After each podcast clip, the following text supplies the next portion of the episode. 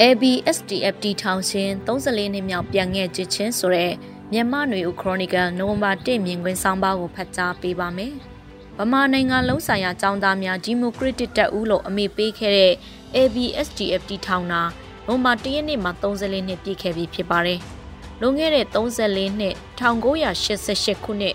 စစ်တပ်ကအာဏာသိမ်းတယ်လို့ဆိုပေမဲ့လည်းမဆလာခေါင်းဆောင်ဖြစ်သူဘိုးနေဝင်းကဒေါက်တာမောင်မောင်သမရတာဝန်ယူပေမဲ့လည်း ရှေ့ဆက်တိုးလို့အဆင်မပြေတော့စစ်တပ်ကိုအာဏာလှည့်သိမ်းခိုင်းပြီးဗိုလ်ချုပ်စောမောင်ကိုတာဝန်ပေးလိုက်တာအတိုက်ခံလုပ်တဲ့ចောင်းသားတွေနိုင်ငံရေးသမားတွေကိုကြမ်းကြမ်းတမ်းတမ်းကင်တွယ်ဖို့နောက်နည်းဖြူဟာတရက်ချလိုက်တာလို့သာဆိုရမှာဖြစ်ပါတယ်။အဲ့လိုအာဏာသိမ်းပြီးနောက်တောင်းဆိုထားတဲ့ကြားဖြစ်အစိုးရပေါ်ထွက်လာနိုင်ဖို့မရှိတော့တဲ့နောက်ចောင်းသားအင်အားစုတွေကနေဆက်ဒေတာတွေကတိုင်းသားလက်နဲ့ကင်တွေစီထွက်ခွာခဲ့ကြပြီးမဆလာကနေလက်လွှဲပြောင်းလိုက်တဲ့စစ်အစိုးရကို လက်နက်ကင်တိုက်ခိုက်ဖို့ရည်ရွယ်ကအဲ့နဲ့နိုမာတရက်နေမှာတော့ထိုင်းမြန်မာနယ်စပ်မှာ ABSDF ကိုစတင်ဖွဲ့စည်းခဲ့တဲ့သမိုင်းဖြစ်ရနေဖြစ်ပါတယ်။အဲ့ဒီခက်အချိန်ကထိုင်းနယ်စပ်က KNU ထိန်းချုပ်နယ်မြေကရင်ပြည်နယ်က KIA ထိန်းချုပ်နယ်မြေနဲ့တချို့ကအိန္ဒိယနယ်စပ်ကနေအိန္ဒိယနိုင်ငံဘက်အထိထွက်ပြေးခိုလုံရောက်ရှိခဲ့ကြတာဖြစ်ပြီးကရင်ပြည်နယ်၊မွန်ပြည်နယ်တနင်္သာရီတိုင်းတို့က KNU ထိန်းချုပ်ဒေသတွေမှာအရေးအတွက်အများဆုံးရောက်ရှိပြီး ABSDF ကိုဖွဲ့စည်းခဲ့ကြတဲ့အခါပင်မအခြေစိုက်တဲ့ဒေသကကရင်ပြည်နယ်ဖြစ်ခဲ့ပါတယ်။ ABSDF နဲ့ပတ်သက်တဲ့အသေးစိတ်သမိုင်းတွေမှာဘလို့ဖွဲ့စည်းခဲ့တယ်လဲဘလို့လက်နဲ့တက်ဆင်ကြတယ်လဲဘလို့လှုပ်ရှားတိုက်ခိုက်ခဲ့ကြတယ်လဲဆိုတာအသေးစိတ်ရေးသားထားကြမှာဖြစ်ပြီးအကြံအဖြစ်ဂိမ်းကနားတွေအရာဆိုရင်လက်နဲ့ကင်တိုက်ခိုက်ဖို့နေဆက်ဒေတာတွေကိုတင်းချောင်သွားခဲ့ကြတဲ့လူငယ်အများစုပါဝင်တဲ့အရေးအတွက်က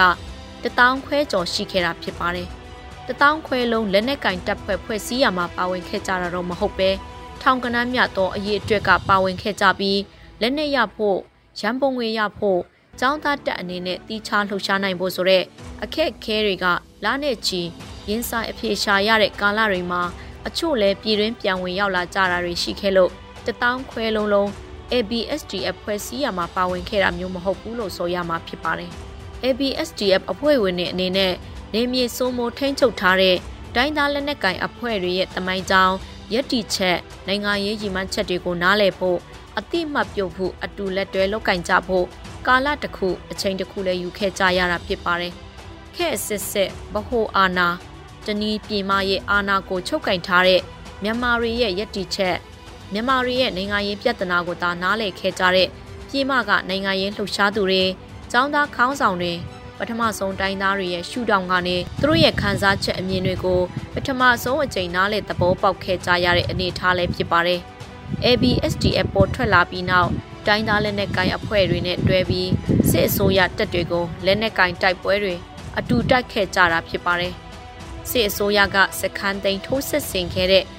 မာနယ်ပလောလိုတိုက်ပွဲတွေမှာလည်းចောင်းသားတပ်တွေ KNU နဲ့အတူခုခံတိုက်ခိုက်ခဲ့ကြတာဖြစ်ပါတယ်။ ABSDF အနေနဲ့ မိမိတို့တီချာထိန်းချုပ်နေမြေထူထောင်နိုင်တဲ့အနေအထားမရှိဘဲတိုင်းသားလက်နက်ကင်ဒေသတွေမှာပဲတိုင်းသားလက်နက်ကင်အဖွဲ့တွေနဲ့ပူးပေါင်းပြီးအခြေစိုက်ကတိုက်ခိုက်ခဲ့ကြတာဖြစ်ပါတယ်။အခု ABSDF ရဲ့34နှစ်မြောက်တဲ့အချိန်မှာပြတ်တန်းခဲ့တဲ့အတိတ်သမိုင်းကို ပြန်လည်သုံးသပ်ကာသမိုင်းမှတ်တမ်းတင်စရာသမိုင်းသင်ခန်းစာယူစရာတွေရှိနေမှသိချပါတယ်။2021နောက်မှာပေါ်ထွက်လာတဲ့ရေဘူးရနာမည် PDF လက်နက်ကင်အဖွဲ့တွေအနေနဲ့ 1988ခုနှစ်နောက်ပိုင်းမှာပေါ်ထွန်းခဲ့တဲ့ ABSDFC ကဘာတင်ခန်းစာယူစရာရှိမှာပါလဲ။ဘာတွေမတူတဲ့အခြေအနေတွေရှိမှာပါလဲဆိုတာတွေကလည်းလေးလာသုံးသပ်ရမယ့်အချိန်ဖြစ်ပါတယ်။မြန်မာနိုင်ငံသမိုင်းမှာလက်နက်ကင်တပ်ဖွဲ့ပေါင်းများစွာပေါ်ထွန်းလာခဲ့ပြီးဆက်လက်လဲပေါ်ထွန်းနေဆဲပဲဖြစ်ပါတယ်။လက်နက်ကင်တပ်ဖွဲ့အသစ်တွေပေါ်ထွန်းနေတာဟာလူလားဖွဲ့အခြေအနေတော့မဟုတ်ပါဘူး။သို့တော့ဒီလိုအခြေအနေကဘေးအချက်ကြောင့်ဖြစ်ပေါ်စေတာလဲ လက်နက်ကင်ပြိပခတွေခြုံငင်းအောင်ဘေးအကြောင်းကိုဖယ်ရှားရမှာလဲနိုင်ငံရေးနည်းနဲ့ဖြည့်ရှင်းဖို့ platform ကဘယ်မှာလဲစသဖြင့်မေးခိုးမေးစရာတွေရှိနေရလဲဖြစ်ပါတယ်လက်နက်ကင်တပ်ဖွဲ့တွေပေါ်ထွန်းလာတာဟာတခါတရံမှာလက်နက်ကင်ထားမှဒီနေမျိုးကိုစိုးမိုးအုပ်ချုပ်နိုင်မယ်လက်နက်ရှိတဲ့သူမှလေးစားတန်ဖိုးထားတယ်ဆိုတော့စစ်ပရင်ဝါဒပရိသရိခရဲ့အကျွမ်းကြံတွေက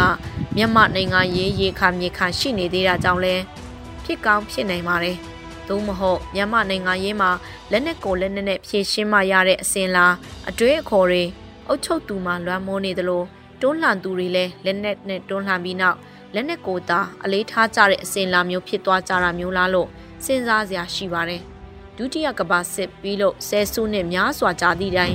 လွတ်လပ်ရေးကြိုးပမ်းမှုခက်တွေကျော်လွန်ခဲ့တာဆယ်စုနှစ်များစွာရှိသည့်တိုင်အရှိတောင်အာရှမှာလက်နက်ကင်ပြည်ပခဝေးကစ်တဲ့နေမြုံနေစဲနိုင်ငံဆိုလို့ မြန်မာနိုင်ငံတနိုင်ငံသာကြန့်ရှိတော့တာဟာတမိုင်းကြောင်လားတမိုင်းထဲမှာပါဝင်နေကြတဲ့လူတွေကြောင်လားဆိုတာကောက်ချက်ချဖို့ရာခက်ခဲတဲ့အနေအထားပဲဖြစ်ပါတော့တယ်ရှင်။